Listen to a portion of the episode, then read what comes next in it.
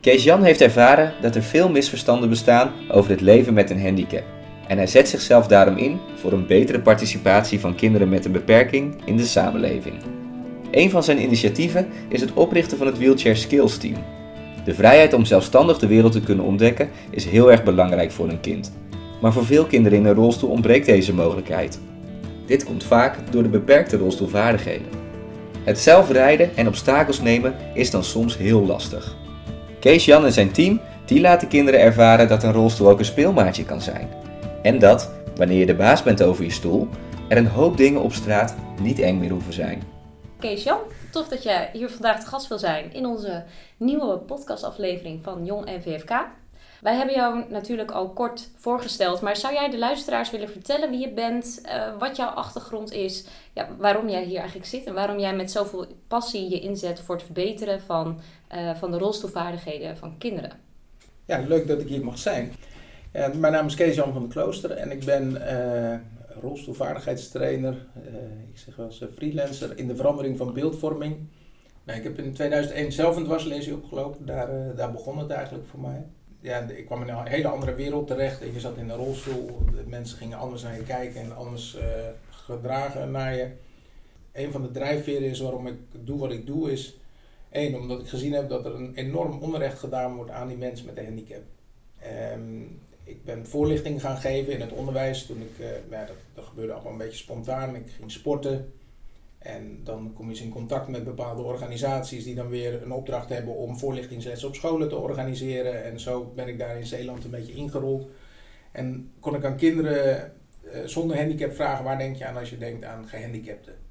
En ik stelde die vraag ook echt zo, daar komen we straks nog wel op, denk ik. Um, maar het beeld wat dat opriep was, uh, ja, dat is een beetje zielig, die kunnen niet zoveel. Um, uh, heel vaak eigenlijk was het antwoord ook syndroom van Down.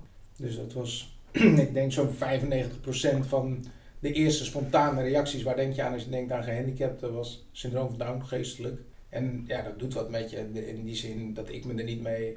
Het, het raakte mij in zoverre niet. Uh, dat ik denk, ja, het doet geen recht aan wie ik ben als mens. En, en ik zeg, hoe beter je weet wie je bent, hoe, hoe, meer je ook afstand van dat soort opmerkingen kan maken. Want je hoeft het niet aan te trekken, zeg ik dan. Maar ik hoor het wel gezegd worden. En ja. Um, toen ik in, dit is in 2003, 2004 dat ik daarmee begon. En in 2005 begon ik met uh, vrijwilligerswerk bij jeugdsportweekenden voor kinderen met een handicap. En toen kwam ik in contact met, met de jeugd eigenlijk uh, in een rolstoel of met een handicap. En uh, om het een beetje in dit gesprek toe te spitsen op, op de rolstoel gebruikende kind. Maar ik denk dat er heel veel parallellen te trekken zijn met, met welk ander kind met een handicap en, en de omgeving. Want daar, eh, daar wil ik het ook wel over hebben met jullie. Ja, dat lijkt me heel belangrijk. Dus, ja. Um, en, en je omschrijft heel mooi wat, wat de eerste, um, ja, jouw eerste um, kennismaking was eigenlijk met de gedachten van, van andere kinderen over kinderen met een beperking dan, of gehandicapte kinderen als we dat zo, uh, zo ja. moeten noemen. verbaasde dat je, die reactie van de kinderen? Nee, niet eigenlijk. Want ik, dat was misschien ten dele ook wel mijn mijn beeld. Het gaat ook heel vaak over. En, we zijn verontwaardigd als we iemand niet accepteren zoals die is, of dat we raar reageren. Um, dus er zijn hele interessante momenten waarin de mens met een handicap weggezet wordt, waarbij je vraagtekens kan hebben of dat respectvol is naar de mens. Uh, en op het moment dat dat. Uh, neem Mart Smeets, die aan plein publiek vertelt we willen mensen die een gebrek hebben niet zien, dat vinden we eng. Hè? Dus uh, daar willen we niet naar kijken. En de Paralympics zijn daarom niet op tv. Ja. Dat is ja. een, een, opmerking van hem. Ja, dan kan je jezelf heel erg aantrekken en ik snap het. Uh, waar hij het allemaal vandaan heeft, kan ik, die achtergrond kan ik begrijpen. En voor mij ligt dat heel dicht bij dat kind wat ik op de basisschool tegenkom en die in een voorlichtingsfilm een zwemmer met één been een startblok ziet opstappen. Ja. Ja. En die ziet die stomp. Ja. En ik, eh, dat hoorde ik ook wel eens in de klas. Dus ja, ik bedoel, als Mart Smeets zo'n reactie kan maken. Kijk, je zou kunnen zeggen hij is ouder en wijzer. En één, hij moet niet in de we-vorm spreken, maar het, het, is blijkbaar voor hem uh, eng. Of, of hij zegt dat misschien nog, hè, dat zou ook nog kunnen, dat hij zegt het is voor mij niet eng, maar, maar, maar de mensen. Dus dan is hij, hij vindt het dan misschien niet, maar ik weet het, het is, uh, het is uiteindelijk gaat het erover hoe, wat, wat de impact is daarvan op, op die mens met een handicap. Ja, ja precies. Ja, dat kan ik me heel goed voorstellen. En Ehm, dat, dat speelde dus allemaal rond 2004, 2005, begreep ik. Ja, En wanneer ben je dan gestart met de rolstoelvaardigheidstraining? Of met, met, wanneer had je zoiets van, hé, hey, dit is iets... Ja, Waar ik een hele kwam belangrijke eigenlijk op die jeugdsportweekenden. We moesten natuurlijk wat activiteiten doen en ik kon wat rolstoel rijden. Eh, ik, ik deed toen al een beetje gekke dingen van trappen afrijden. En ik was zelf wel geïnteresseerd van, hé, wat doe ik nou precies? Dus ik was wel voor mezelf al mee bezig. En op die weekenden ja, gingen we gewoon als kinderen tegen een matras aanleggen. Kijken, kunnen ze wheelien bijvoorbeeld? Ja, gaaf. Hm. En wat je toen zag gebeuren, alleen al in ja, de anderhalf uur activiteit die we dan met ze deden, dat heeft mij eigenlijk ja, aangewakkerd om te denken: van, nee, ik wil eens kijken wat dit doet. En eh, dat was toen in de tijd in Zeeland deden we dat. Maar dat was dan voornamelijk ook met volwassenen nog. En er sloten twee kindjes aan toen het, nee, ik geloof iets van zeven of acht eh, volwassenen en twee kindjes daarvan eh, waren twee kindjes in die groep. En ja, die, die ouders die heb ik nog wel eens, eh, die hoor ik nog wel eens, die jongens nu, hè, dan heb je over 2006 of zo, dat ik briefjes ging ophangen in apotheken. Mhm. En dat die moeder zegt, ja, de- de- het was een, een, een harde pil om, om je te ontmoeten, zeg maar. Maar het is wel het beste wat ons is overkomen. Ja. En met name voor ons kind, zeg maar. En die jongens nu, eh, 223 of eh, zoiets, die, eh, Ja. en die is er wel gekomen. Ja, Ja. Zo ouder denk ik inmiddels. Daar hebben ze wel echt, ja, voor hun verdere leven gewoon ontzettend veel profijt van. Of dan gaat de kwaliteit van leven gewoon eh, vooruit. En is er wel, als, als kinderen zeg maar in een, in een rolstoel komen, hè, worden ze dan, krijgen ze dan sowieso een soort rolstoelles? Of wordt dat vaak helemaal losgelaten? Ja, dat, dat verschilt heel erg. Ik denk, eh, het interessante is als je teruggaat een beetje in de geschiedenis van wa- wat is er nou gebeurd hè, in die kinderrevalidatiewereld. Ik vind dat altijd al ja, interessant om dan eens een blik terug te werpen. Wat is er in het verleden allemaal al gebeurd? Ja, dan kom je uit bij mensen die, eh, de Kees van Breukelen, dat is een naam die jullie misschien niet iets zegt. maar die Mij niet. vast- Die heeft hier ook wel, eh, wel, wel meerdere keren workshops of les gegeven op de hogeschool eh, voor de fysiotherapie. Maar die heeft eh, een, een, een bedrijf opgezet in de rolstoelen. Maar daarnaast was hij ook ergonoom. En de, de ging hij eigenlijk heel erg goed kijken naar hoe zitten die mensen in een rolstoel. En, en hoe kunnen ze actiever worden. En hij gaf les voor die tijd nog op de Methielschool in Utrecht hier. En daar heeft hij eind jaren 80 rolstoelvaardigheidstrainingen opgezet bijvoorbeeld. Oké, dus dat speelt wel al vrij lang. Maar dat was ook een fase waarin de, de, de actieve rolstoel naar Nederland gebracht werd door een aantal oud topsporters. Monique Kalkman bijvoorbeeld en nog een aantal rolstoelbasketballers die internationaal speelden. Die vanuit Amerika met, met, met actievere stoelen naar Nederland kwamen. Oké, En, ja. en dat is een beetje een beweging die toen opgekomen is. En ik ben zelf van 77, dus ik ben opgegroeid in de jaren 80. Daar kon heel veel toen. Dus, eh, en, eh, en uiteindelijk zie je dat het. Ja, ik ben in 2005, 6 in die, in die kinderrevalidatiewereld mijn eerste keer een beetje heb ik kennis gemaakt. En ja, als ik zie wat daar dan nog van overgebleven is, waar ze daar een aanzet gemaakt hebben. Dat was natuurlijk maar Utrecht, eh, moet je zeggen. En dan misschien nog een paar centra links of rechts. Maar ja, het is nooit echt een, een heel groot thema geweest. En, en ehm, wat, kan ik, begrijp ik dan goed dat hè, die, die, die liep hier dus, die, je kwam hier mee, ehm, ja, hoe zeg ik dat mooi? Je, je kwam hier mee in aanraking in 2004, 2005 en, en toen had je zoiets van, we gaan in ieder geval in eerste instantie met volwassenen gaan we aan de slag om dit te trainen en te, oefenen. Eh, in eerste instantie begon dat wat spelende wijze met matrassen en dergelijke en op een gegeven moment had je zoiets van, hé, hey, hier, is, hier is meer nodig. Vat ik dat zo goed samen? Ja, ja en dat, dat kwam ook nog doordat er eh, toen de tijd een, een hulpmiddelenleverancier in Zeeland was. eh, waar iemand werkte, Erik Grip.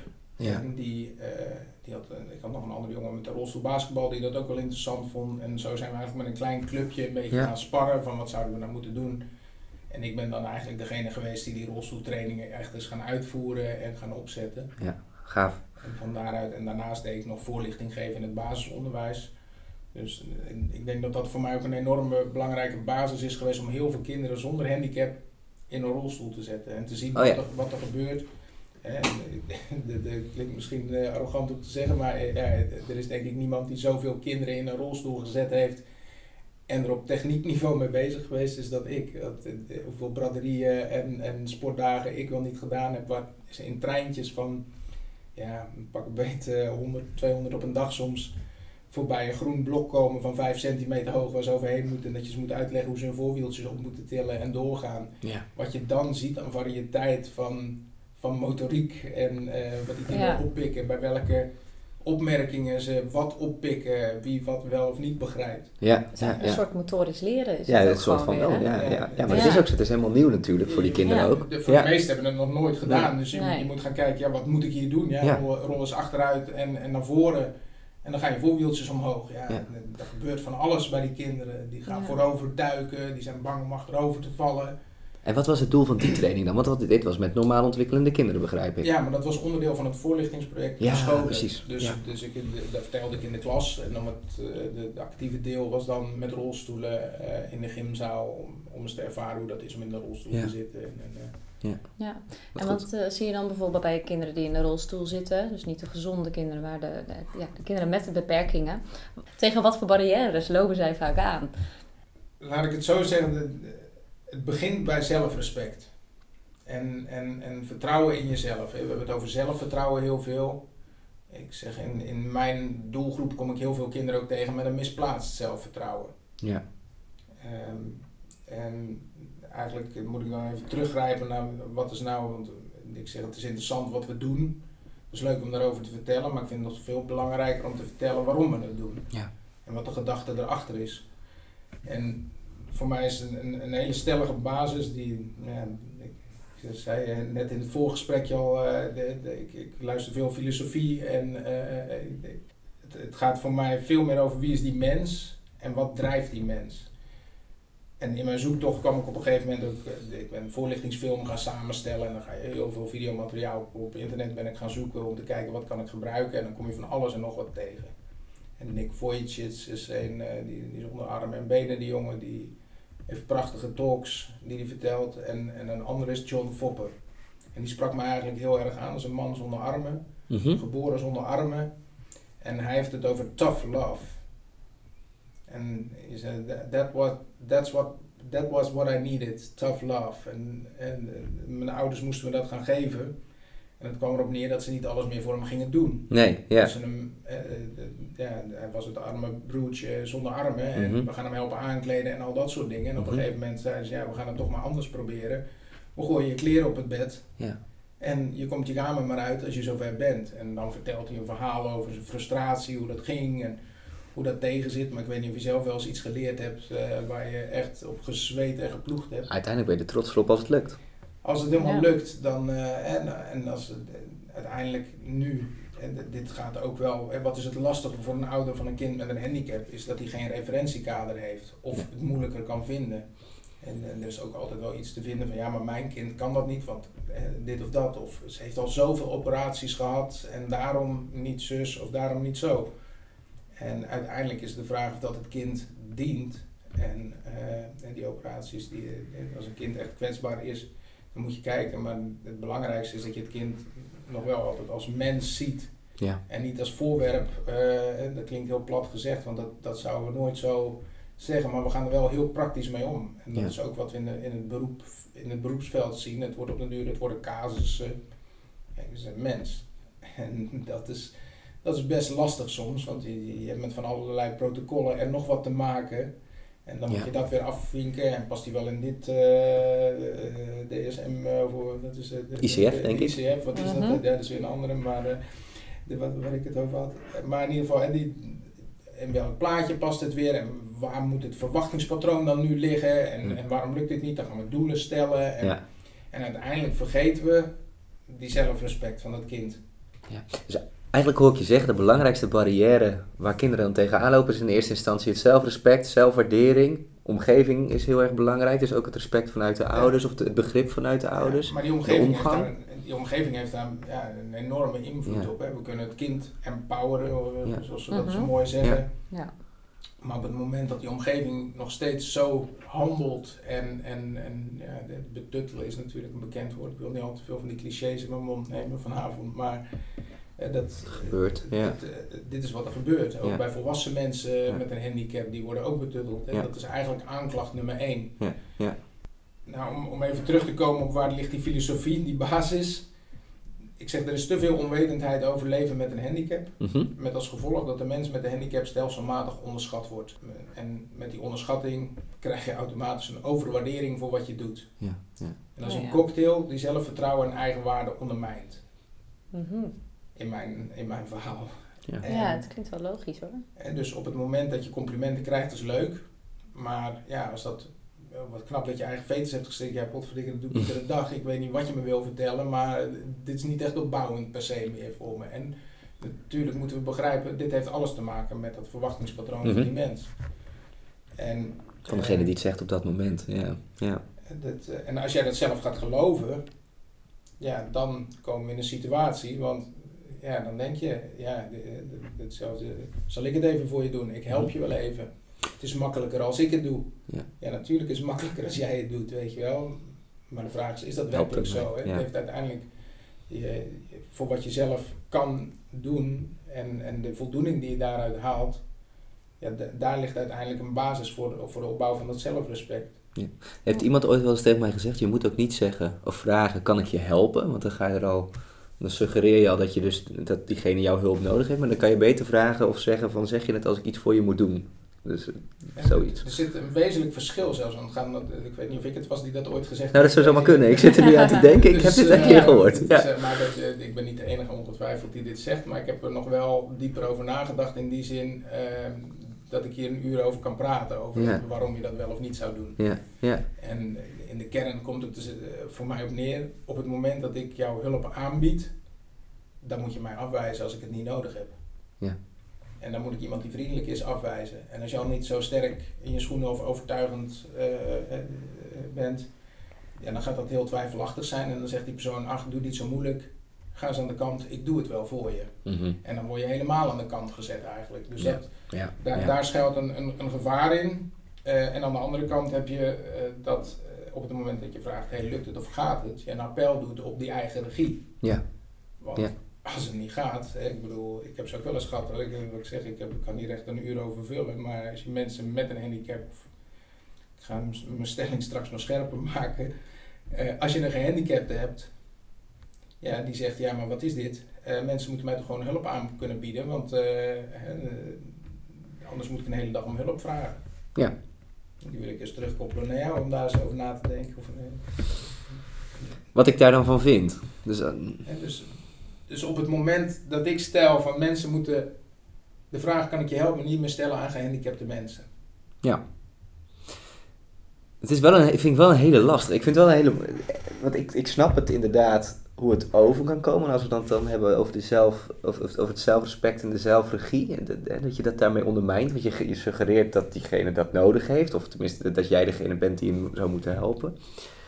Terwijl, ehm, wat we net hoorden, is het ook heel belangrijk voor de persoon wellicht om het zelf te proberen. Of om het zelf te doen. En dan duurt het maar iets langer. Aan de andere kant, en dat heeft helemaal te maken met het verwachtingspatroon van de, van de persoon die het vraagt natuurlijk. Waarschijnlijk stelt hij de vraag uit goede bedoelingen. En dat is het lastige. En dat, dat snijdt elkaar dan een beetje. Ja, Road to hell is paved with Ja, intentions. Hè, precies, ja. Ja, Nee, ja. het is, ik, ik wil hier niet de advocaat van de duivel zijn of zo, maar ik vind het wel interessant om Ja. het licht dus op een andere manier te schijnen. En Ja. in, in dat punt van afwijzing bijvoorbeeld, hè, iemand die vriendelijk is afwijzen, Ja. of, eh, daar zit iets in. Maar als je het hebt over om hulp vragen, waar we de mond vol van hebben, je moet eigen regie nemen, je moet verantwoordelijkheid nemen voor je eigen leven. Ehm, ik heb het gesprek gehad dat iemand zei, eh, die een handicap had, van ja, mensen moeten toch gewoon vriendelijk kunnen zijn en eh, anders moet ik een hele dag zelf om hulp vragen. Ja. Dat is ook En- wel zo. Dat is ook de andere draai- kant. draai- ja. ja, maar draai die eens om. Dus wat je eigenlijk Ja. zegt is, ik verwacht dat heel de wereld, omdat ik in een rolstoel zit, een oogje op mij houdt, Hmm. om hulp aan te bieden als ze zien dat het me niet goed gaat. Ja, ja, ja. Dat is Dat is in misschien mijn niet realistisch. Ja. Optiek, zeg maar. Hè. Iedereen moet dat zelf weten. Als je zo door het leven wil gaan, er zullen altijd mensen zijn die willen helpen. Dat is echt het probleem niet. Het gaat dan vooral ook nog op de manier waarop je dat doet. Maar ik geloof dat je vanuit die andere benadering eh, veel meer kracht kan halen. Hmm. Ja. Dus op het moment dat je, natuurlijk zou je iets met die persoon moeten doen die niet om hulp kan vragen. Maar als ik naar de supermarkt ga en ik wil dat pak vlok hebben van de bovenste plank.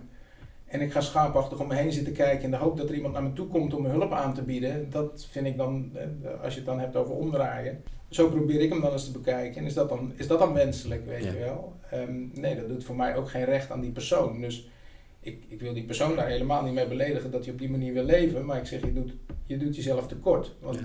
je, mag, je mag hierom vragen. Je hoeft Ja. niet je te schamen omdat je het niet kan en dan als een underdog te gaan zitten wachten tot iemand je die Ja. hulp aanbiedt. Nee, dus dan Ja. zeg je juist gewoon, stel de vraag en eh, de- En Ja. het is- iedereen helpt je op zo'n die moment. handicap Ja. is bij uitstek, Ja. als je het hebt over sociale contacten opbouwen, bij uitstek een middel om, eh, om, om een sociaal contact Mm. met iemand eh, te hebben wat op een leuke manier gaat. Mijn ervaring, als ik op een hele andere manier, ik heb hele leuke gesprekken in de winkel, gaat Ja. over van alles en nog wat. Het heeft ook vaak helemaal niks met die rolstoel te maken met die handicap.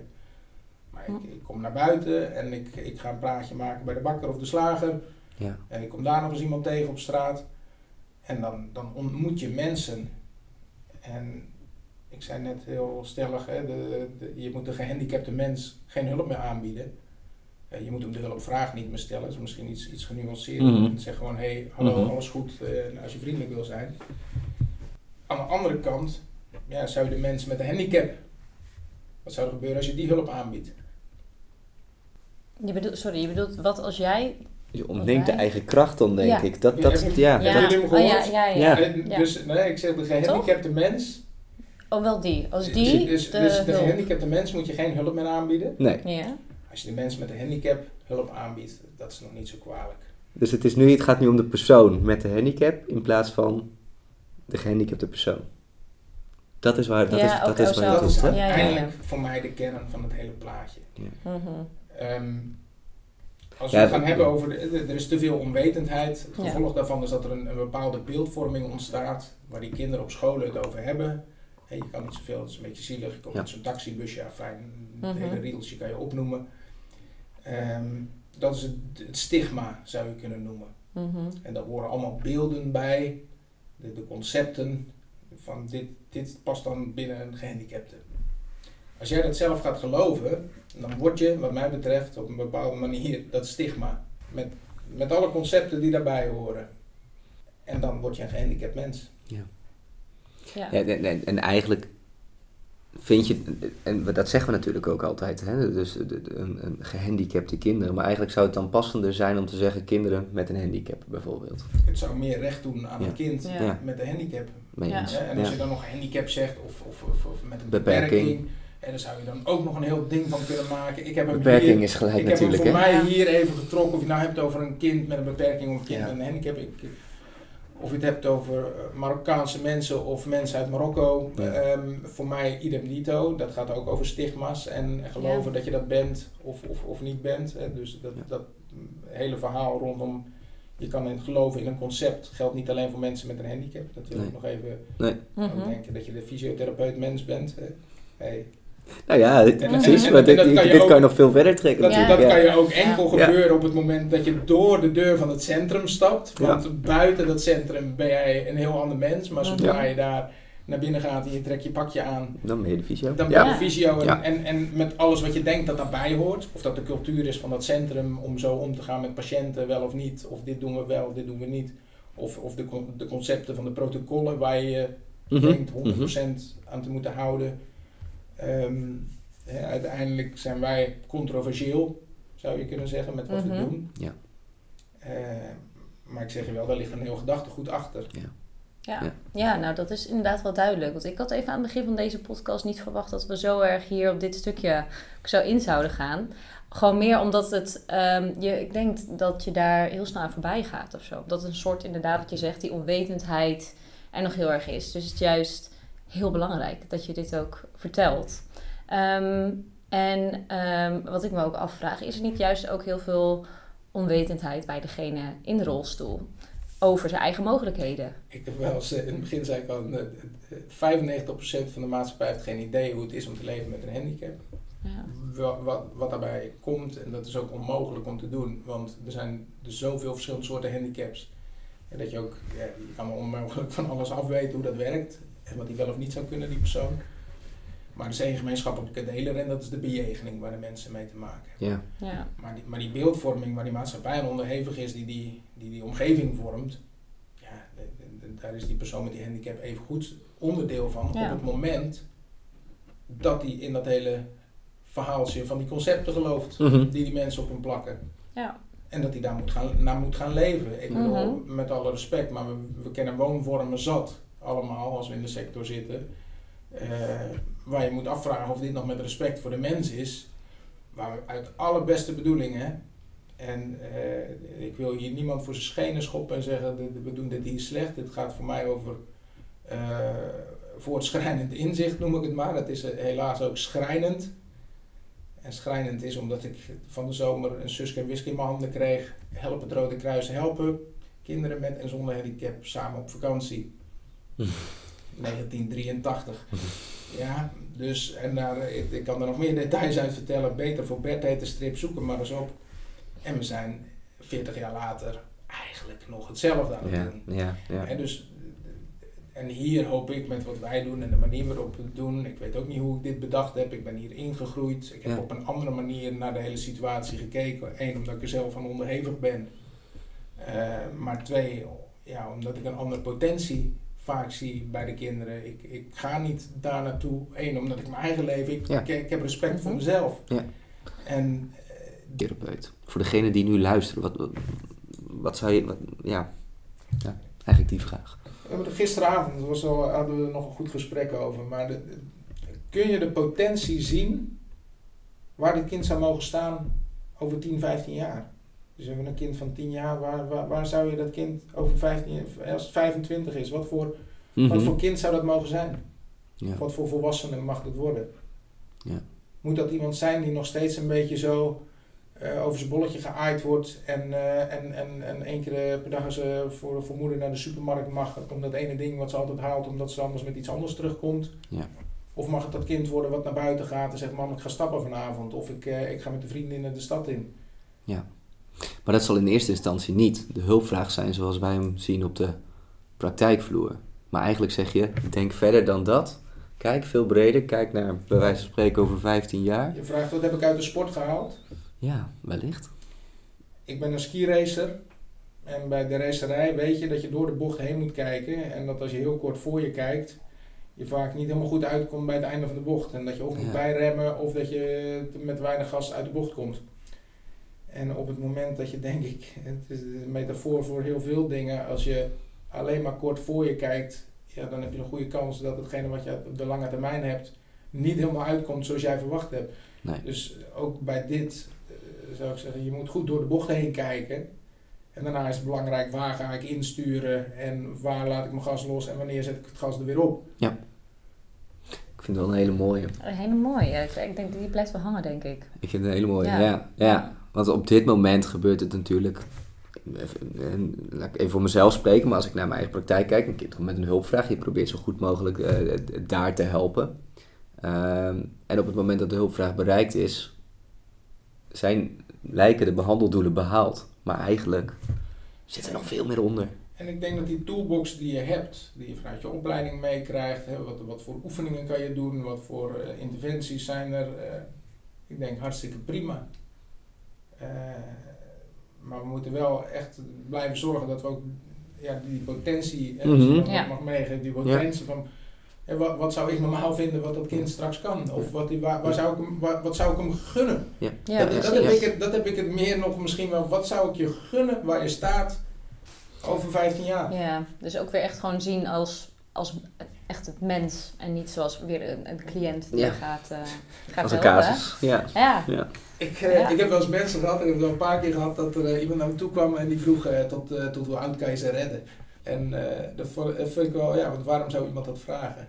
Blijkbaar hebben ze heel veel vertrouwen in jouw kunnen op dat moment. Ja, het Denken ze dat jij degene bent die het voor ze zal moeten gaan zijn volgens oplossen? mij overwegend ook professionals geweest die dat Ja. hebben, zeg maar. Ja, ja, dus ik denk dat dat daar vandaan komt. En ehm, dat ze, en zij zien dus blijkbaar ook wel de, heel erg de meerwaarde daarvan in. Maar ja, hebben ook heel erg het gevoel dat het maar misschien tot een bepaalde leeftijd kan. Dat het daarna niet meer te veranderen is. Uiteindelijk gaat het natuurlijk over het insluiten van, insluiten van patronen Ja. en, Mhm. en gedrag. Ehm, het, het gedrag is, is, is heel moeilijk weer. En zeker als dat zo in die, in neurale groef vastgelegd is, noemen ze dat zo mooi. Maar Mhm. en dan, eh, om, om dat patroon te doorbreken, ik denk dat iemand dan ook al in een sleur zit. Ja. Uh, al dan niet met een misplaatst zelfvertrouwen en misschien een baantje en ogenschijnlijk uh, werkt hij ergens. Uh, ik had ooit eens een mooi voorbeeld van een jongen van 34 en die werd door zijn papa en mama naar de bus gebracht. En vervolgens pieste die in luiers en de hele bus zat, de hele rit, ja, dat was best wel, best wel gênant. Ook voor de jongen waarschijnlijk, alhoewel die het waarschijnlijk al zo gewoon was dat het voor hem niet heel storend was. En ook blijkbaar de schaamte, ja, ik weet niet of hij die dan had, maar ja, het, het, uh, het was niet dat er een actie ondernomen werd of zo. En zo ben ik er nog wel eens in mijn leven meerdere tegengekomen die, uh, die, die, die qua zelfverzorging het enorm laten schieten. Maar die werken wel als ambtenaar ergens. Ja. en, Ah, en, en, en die, die wonen dan op zichzelf. Maar als je dan kijkt van ja, in hoeverre, met hoeveel zelfrespect ben je onderweg Mhm. en waar had je kunnen staan, want dat wil ik er dan wel bij Ja. zeggen. hè. Iedereen mag voor mijn leven, nogmaals, ik blijf het herhalen, mag leven zoals hij wil. Ik zit hier niet te vertellen dat je je anders moet gaan leven. Ik zeg, die mens doet zichzelf tekort. Ja. En wij kunnen eh, als, als begeleiders, als trainers, als, als therapeuten, eh, kunnen erin bijdragen dat iemand in een andere mindset komt, omdat hij van zichzelf durft te gaan houden, maar ook zijn eigen potentie gaat zien. Ja. En als jij die potentie al niet ziet, en dat, dat gaat over die gedachte daarachter, ja, met wat voor beweging ga je dan werken aan die persoon? Mhm. Mhm. En dus ik, ik zie die persoon, ik zie dat kind van 12, die jongen van 12, zie ik zo meteen 17 zijn. En die wil zijn eerste vriendinnetjes Ja. hebben, want er is niks zo vervelend dat je straks hebt. Dan heb je wel wat lopende vriendjes. En die gaan er in één keer allemaal met een vriendinnetje vandoor. En jij weet niet hoe je dat aan moet pakken. En dat kan aan ieder overkomen natuurlijk. Maar, maar dit is dan het gevolg van hoe ongemakkelijk je in je eigen vel zit. En of je van jezelf kan houden. Ja. Ik, ik probeer de hele, hele tijd te vertalen, ook gelijk naar mijn visio-bril, wat je allemaal zegt. Want ik, kom, ik, ik vind het echt heel mooi. Ehm, maar ik hoor je dus eigenlijk zeggen, je moet dan niet per se je doelen zetten op, op, op, op dingen die het kind over 15 jaar zou moeten. Maar het gaat meer om de gedachte over het potentieel wat je ziet in het kind. Ja, en van daaruit kan je, kan je gaan werken. Want als je, als je eh, het, het, kind dat mee kan geven dat jij die potentie al ziet. Ja. En dat hoef je niet zo letterlijk per se te zeggen, maar dat Nee, gaat in dat klein, gaat om dat gaat gefaseerd. Dus je denkt van nou, Ja. eh, dit gaat over het verwachtingspatroon bijstellen van waar jij denkt dat dat kind dan nu naartoe zou mogen gaan werken in die fases. En in, in ons geval begint dat met plezier hebben in die Mhm. rolstoel te zitten. En dat niet als dat vervelende ding zien. Ja, Ja. ja. dat is dan. Ik heb eigenlijk ook nog twee eh, vragen die ook nog even in mijn hoofd zitten. Want ehm, is het ook geschikt, of dit, ja, ook geschikt voor kinderen met een cognitieve beperking? Die eh, misschien toch een minder ja, verlaagd cognitief niveau hebben, of die eh, dat minder goed eh, nou ja, verbaal kan uitleggen bijvoorbeeld. Wat zitten daar nog beperkingen aan? De, de- we werken in eerste instantie zeg maar, voor de kinderen met een laag, eh, of eh, met een, met een redelijk tot goede cognitie Mhm, en met een, met een goede hand-armfunctie, of redelijk tot goede hand-armfunctie. mhm, Eh, Maar wat ik in het begin ook zei, ik heb me gefocust op het kind in de rolstoel. En dan met deze groep die ik net noemde als, als main focus. Maar dat neemt niet weg dat ik het heel interessant vind om te kijken wat er gebeurt bij kinderen. Want ik geloof dat de theorie die ik heb, Mhm. het lage verwachtingspatroon en de overwaardering met alle overbehulpzaamheid die daarbij komt en oververzorging, die hebben impact op dat kind, zijn eigenwaarde. Ja. En ook een kind wat cognitief lager is, die heeft een gevoel. ja. En eh, die, die, die, die, die, die merkt dat ook. Ehm, we hebben op een visioschool eh, trainingen gegeven. En ik zal niet zeggen, goh, die kinderen gaan nu, hè, dat waren meervoudig gehandicapte kinderen met een visusprobleem. Dus die zagen die drempels ook nog niet echt aankomen. Maar het hele idee om daar heel rustig, zonder dwang, zonder wat gaat er hier moeten gebeuren, wat gaan ze doen? Laat, laten we daar over, wat verwachten we van die kinderen? Wat voor doelen moeten we gaan stellen? En dat uiteindelijk kom je er in de praktijk ook achter dat het in heel veel centra ook gewoon zo fijn vloeiend kan gaan dan harde targets stellen. En dat het voor die kinderen vooral ook een begeleidingscentrum is. En we kijken Mhm. wel waar dit schip strandt, zeker bij deze doelgroep. Maar het lullig is dat in die slipstream die kinderen die veel meer potentie hebben, een beetje meegezogen worden in dat lage verwachtingspatroon. Doe maar rustig aan, je hebt tot je 23ste om hier de HAVO af te maken. En eh, hè, ja, eh, het zou leuk zijn als je op een sociale werkvoorziening achter de, de receptie Ja. mag zitten. Mhm. heb je, echt, eh, je hebt het gemaakt. hè. Je zit hier nu dat, Ja. dat, dat zien we heel veel terugkomen en Ja. ehm, dat is mooi.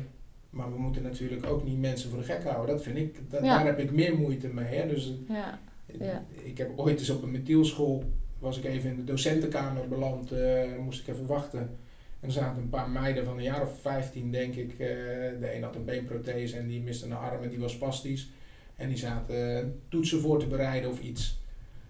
Ja, ik hoorde die praten. Ik denk, ik zit hier gewoon op een middelbare school. Mhm. Maar vooral om, om hoe ik die meiden hoorde, ik denk, dit is niet de plek per se. Jullie moeten gewoon op een middelbare school zitten. En dat, je hebt hier, eh, op die school krijg je wel een enorm stempel bijvoorbeeld. Mhm. Ja. ja, dat Ja. is inderdaad zo. Ja. Ik wil nog eventjes terug naar een stukje potentie zien. Ehm, eh, hoe, hoe, hoe- ja, hoe geef je als kinderfysiotherapeut de kinderen het gevoel en de waardering die ze ehm, verdienen op dat moment? Hoe, hoe doe je dat? Doe je dat door in gesprek te gaan met de kinderen? Doe je dat door de doelen op een andere manier vorm te geven? Door je, hoe, ja, hoe, hoe zou jij dat aanvliegen? Ja, wat zou je als therapeut kunnen zeggen? Het gaat om kleine stapjes. En ik denk dat je het kind in eerste instantie in die kleine stapjes zijn grenzen mag leren verleggen. En, en iedere keer, en, en dat is afhankelijk van hoe ver het kind moet komen. En ik noem het wel eens vanuit welke kinderlijke en een naïeve houding het kind moet komen. ehm, tot de werkelijke leeftijd die het is. En waar zijn potentie op dat moment eigenlijk zou, ja, benut zou zijn. Dus ik geloof dat er heel veel kinderen nu ver onder hun niveau eigenlijk door het leven gaan. Ja. Ehm, op het moment dat je daar nog ver onder zit, ja, dan moet je dat heel gedegen aanpakken, heel voorzichtig eigenlijk stapjes maken. Ik had vandaag nog een groep Methielschool in Hilversum. Ehm, ja, dat was een meisje wat, wat aan de ene kant best wel dapper is en, en, en, en, het, en het goed deed, maar waren een aantal dingen waar ze echt helemaal dichtklapte. En dan kan je zeggen, ja, het kind wil het niet. Laat maar, dit gaan we niet aandoen. Moest kijken hoeveel moeite ze ermee heeft. Mhm. Dus we stoppen maar. Ja, als je dan opgeeft, ehm, dat wil niet zeggen dat je per se die les eh, door moet pakken. Maar je kan het wel als signaleren. Eh, wat, wat ik signaleer in, in dit geval bij dit kind was dat ik bij het eerste hoe ze binnenkwam, hoe ze over de lijnen heen rolde, hoe ze de voorwieltjes opwipte, hoe ze het blok van 7 centimeter zonder te stoppen door oprolt. Allemaal met het oog voor hoe het kind op dit moment in mijn ogen er nu bij zit. Als Ja. een underdog. Ja, ja. Niet in zichzelf gelovend. Weliswaar wat bravoure met vriendinnetjes waar het in de, in de comfortzone in de klas zit met, met de kinderen die ze kent. Hebben ze echt wel praatjes en dan zie je ze ook loskomen. Daar kan je het ook aan herkennen natuurlijk. Dus als je vaker met die kinderen bent en je ziet ze hoe ze omgaan met elkaar. Als je gewoon een stiekem om het hoekje zit te kijken, waar hebben ze het over? En hoe bepraten ze dat met elkaar? Mhm. dan zie je dat ze vaak veel volwassener zijn of eh, veel, veel meer volgroeid zijn al op bepaalde vlakken dan wij inschatten. Ja. En dat is met dit meisje, ja, dan, dan voel ik iets, dan zie ik iets gebeuren en dan denk ik, ja, daar zit veel meer in. Maar het komt er nu niet uit. We lopen tegen blokkades op, het kind begint te huilen. Eh, dat zijn allemaal signalen dat het vooral heel veel moeite heeft om een bepaalde transitie in te gaan Ja. vanuit een comfortzone. Want het is natuurlijk wel heel prettig in die slachtofferrol. Ja, ja. Het is heel warm, want iedereen is altijd aardig voor je en eh, en je hoeft ook niet zoveel. Mhm. Ik heb ook wel eens kinderen horen zeggen in het speciaal onderwijs. Dat was een dag eh, waarbij in Breda, waarbij het ging over, eh, de, de, zou dat veel meer samen moeten zijn of zou er speciaal onderwijs moeten zijn? Dat de kinderen zeiden, nou maar ik vind het hartstikke lekker hier op speciaal onderwijs, want er is hier, eh, ik heb hier alle tijd en ruimte die ik krijg en het is zo gestrest en op die grote school moet ik van alles. Mhm. Ja. Hé, hey, ga even met mijn kind praten. Ja, ja, ja, ja, ja, ja, die, die, ja. die vindt ook dat hij van alles moet op school. Die zou het ook wel lekker vinden als hij een beetje mag vlieren fluiten, om het zo maar te zeggen. hè. Dus, ehm, en, en ik ben de laatste, want ik heb ook heel mijn, mijn schoolcarrière doorgevlieren fluiterd. Dus je kan ook nog directeur worden en lesgeven op een hogeschool als je gewoon vlieren fluitend door je opleiding gaat. Blijkbaar. Dus eigenlijk wil ik je zeggen, ga wel het gesprek aan met die kinderen. Ook als je merkt dat dat in eerste instantie Ja. eh, wat, wat, wat, wat tegengas of dat, dat je... Dat Nou, je wat is het gesprek? Hè? Ga, kijken, ga, ga kijken of je oefeningen kan doen. Want daarom zeg ik, je hebt een hele toolbox. Voor mij is die toolbox Ja. die rolstoeltips en die rolstoeltrainingen die je kan geven. Ja. De flair waarmee je dat doet, die komt vanuit potentie die je ziet in dat kind. Ja. En dat je het kind serieus neemt. Ehm, Ja, het, het is ook wel iets wat je, wat je moet zien gebeuren. Ik vind het heel moeilijk om dat uit te leggen wat dat nou... Ik hoop dat ooit nog wel beter uit te kunnen leggen wat dat nou precies is. Maar dat, ja, dat, als, je, als je dan iets kan doen, dan kan je die kinderen kleine stapjes... Ja. En, en die vieren eigenlijk zonder ze over, te over te waarderen. Zonder het te kinderlijk te maken.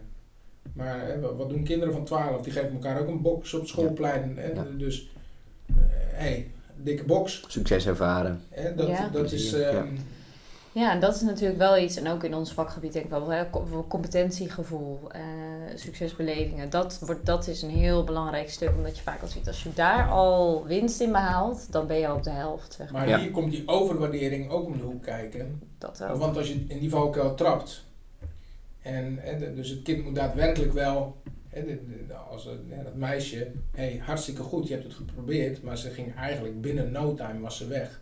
Dus ik wil dat dan ook niet overcomplimenteren, omdat ze toevallig 10 seconden Mhm. het wel even geprobeerd heeft. Mhm. Maar ik probeer wel te zeggen, hey, hartstikke goed dat je die 10 seconden gedaan hebt. Je kon het wel, hè. Mhm. Maar er is nog iets anders.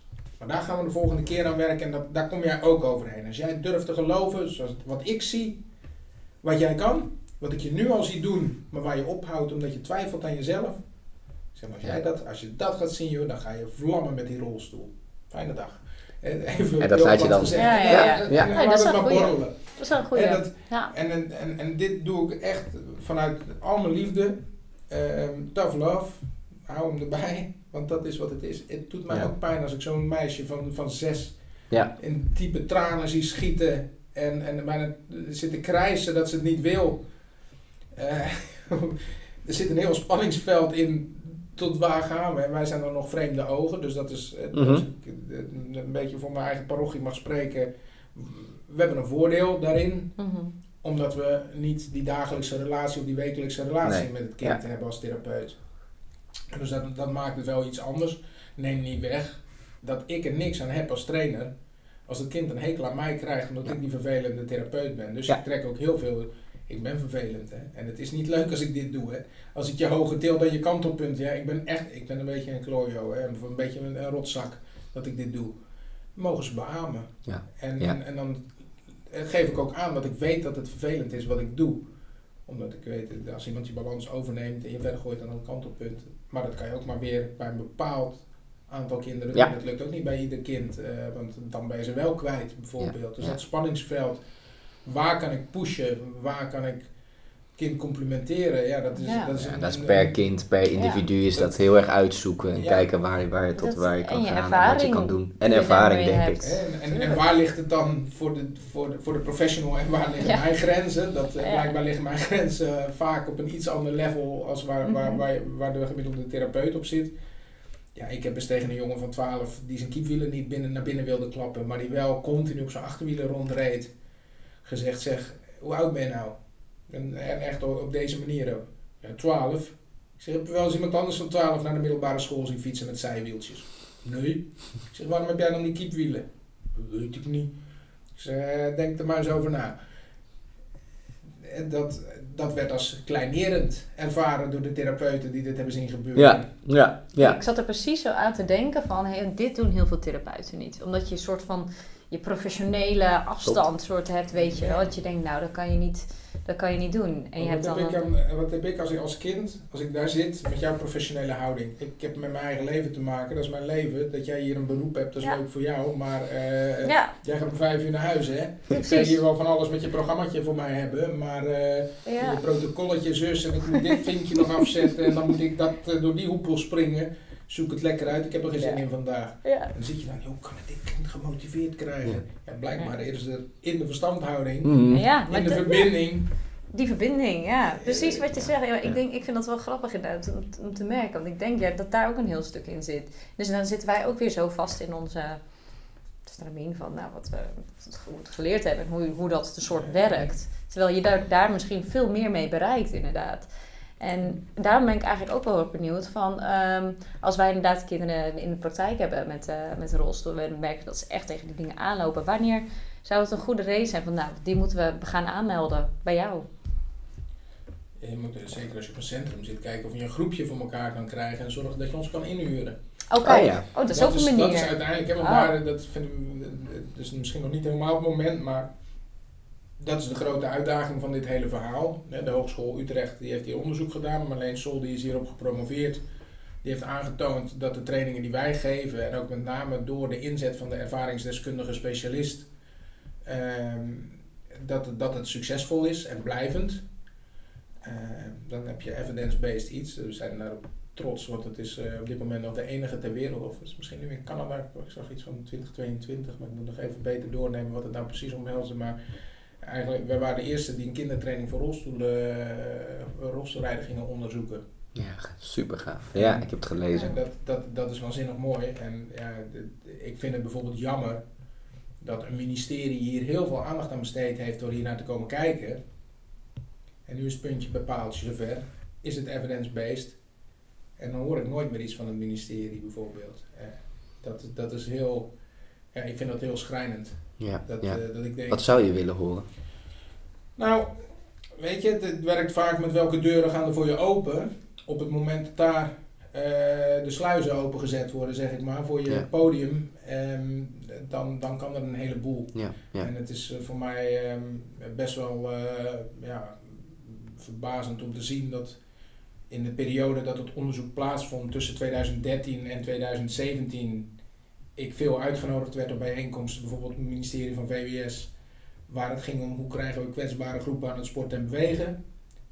En eigenlijk vanaf dat het onderzoek bijna klaar was, ik nog eens een keer al mijn plannen ingeleverd had voor een aanvraag om een lespakket te ontwikkelen. Eh, waar ik zeg, ik heb marketing communicatie gedaan. Ik doe hier iets met kinderen wat blijkbaar succesvol is. Ja, Wat is het nou wat ik doe? Ehm, ja, dat, daar wilde ik vastleggen. En de Hogeschool Utrecht ging er mee helpen. Het Instituut voor de Wijsbegeerte was mee aan het zoeken naar een pedagoog-filosoof die kon kijken wat, en hoe gaan we dit vastleggen. En uiteindelijk eh, werd ik het niet. ja. En dan Ja. kan je zeggen, ja, dan was je, eh, wat, wat zij zeiden, hoe ga je hier je geld mee verdienen? Want boeken zijn niet meer van deze tijd. Dus, eh, dus dat was een, een argument om, om niet met mijn, of in mijn plan te investeren. En eh, een stappen tellen voor rolstoelen was het wel. Mhm, mhm. Ja. Eh, en het interessante was dat als het dan gaat om hoe worden de subsidies verdeeld, die stappenteller bestond al, want die gebruikte Marleen in de onderzoek. Ja, ja. Mhm. dus dat, het ging om een innovatie om kwetsbare groepen aan het sport en bewegen te krijgen. En ik zeg, ik heb hier een trucje, ik wil dat Ja. graag vastleggen. Ik Ja. wil dat in Ja. lespakketten Ja. aanbieden Ja, ja. aan, aan, aan de doelgroep en aan Ja. de professionals. Ja. Maar dat was, eh, ja, dat was blijkbaar toch niet, eh, geen goede investering. Ja, een enorm zonde als we je verhaal Ja. denk ik zo horen. Hè? Met wat Ja. het kinderen kan brengen en met hoeveel passie je het Ja. doet. ehm. Ja. en, maar maar voor de kinderfysiotherapeuten zeg je dus eigenlijk... heb je nou een aantal kinderen eh, onder behandeling... Die, die, zich, eh, die, die hun rolstoelvaardigheden willen verbeteren? Neem, Vraag, eh, neem contact op met het Wheelchair. Skills Team. Je kan gewoon via de info website eh, kan je ons mailen. Ja. Eh, geef aan, ik wil kijken hoe ik een groep bij mij op, op school of in het centrum kan krijgen. Ja. Eh, daar zijn, eh, je kan dat direct zelf inkopen bij ons als je het budget ervoor hebt. Ja. Maar anders kan je altijd nog bij een ander fonds het aanvragen. Er zijn heel veel vrienden van, Ja. stichtingen natuurlijk. Ja, De, ja, de, ja. de Reade doet dat bijvoorbeeld op die manier met de Reade Foundation. Eh, De Kleine Prins Ja. heeft eh, weer Ja. de stichting De Kleine Prins. Ja. Eh, maar ook vaak lokale serviceclubs of het Johanna Kinderfonds. Er zijn tal van partijen die, Gaaf. waar je wel een aanvraag kan indienen, zodat je onze trainer eh, een, een aantal keren per jaar bij je groepje kan hebben. En ik denk dat dat al, Ja, dat zou al, super al gaaf zijn. is. En, en, en Ja. stel dat het, nou, want we hebben hier denk ik ook best te maken met kleinere praktijken, kleiner dan echte grote centra. Ehm, hoe zouden die dit kunnen aanvliegen? Stel ze hebben één of twee individuen die hier wel gebaat bij zijn. Nou, we hebben ook eh, eh, groepen. Het is helaas doordat de NSGK zijn financiering stopgezet heeft in eh, 2021, zitten we heel eventjes, eh, ook bij ons lagen de prioriteiten nog even wat anders. Want dankzij Handicap NL kunnen we bijvoorbeeld heel veel volwassen trainingen geven. En op Mithielscholen heel veel doen. Er zijn nu 32 centra in Nederland die hebben rolstoeltraining van ons gehad. Eén keer minimaal één groep, maar meerdere, of, eh, vele inmiddels meerdere groepen gedraaid. Eh, die hebben allemaal een rolstoelparcours gekregen op het centrum. Dus eh, de meeste centra hebben nu zo'n parcours in huis. Dus die kunnen zelf aan de slag. En de therapeuten hebben een training gekregen. En eh, ja, de- we, gaan nu met de Hogeschool Utrecht. En dat vind ik ook wel waanzinnig mooi. Dat, dat ook die samenwerking, dat Marleen nu ook weer een vervolgonderzoek eigenlijk is gaan kijken. Hoe kunnen we dit nu Gaat het om de implementatie, toch? de implementatie daarvan. Hè? Dus hoe krijgen we nou eh, binnen de kinderen de revalidatiewereld en dan met name via het methylonderwijs uh, die rolstoelvaardigheid training structureel op de agenda en, en komt daar geld voor vrij.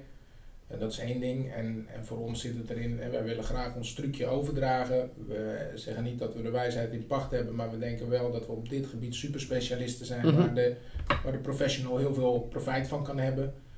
Uh, en we gaan nu een nascholing starten. Die begint uh, volgende week al, de eerste, de eerste groep.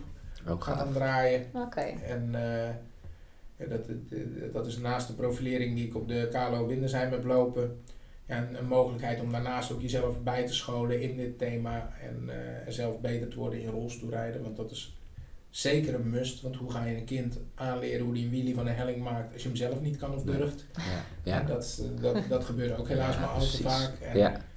Um, ik, ja, ik, ik denk dat we echt heel veel gehoord hebben.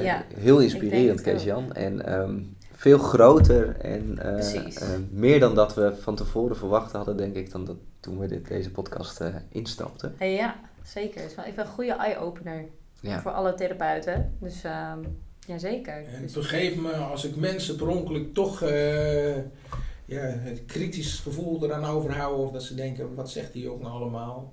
Soms een beetje nodig, hè? Ook weer uit je comfortzone. Ik, ik, Volgens mij spreek je ook vanuit jouw gevoel. Ik ben, ik ben bewust kritisch en inderdaad vanuit mijn gevoel en de beleving die ik hierbij heb.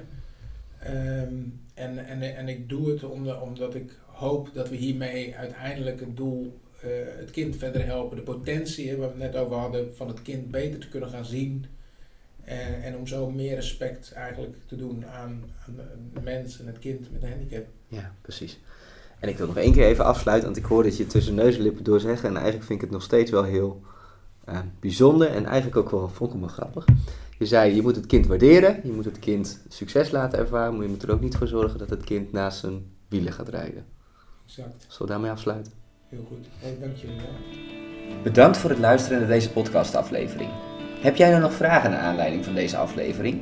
Of heb je ideeën voor de podcastafleveringen die nog komen gaan? Laat het ons dan weten via jong.nvfk.nl of laat een bericht achter op onze social media kanalen. Voor nu bedankt voor het luisteren en tot de volgende aflevering.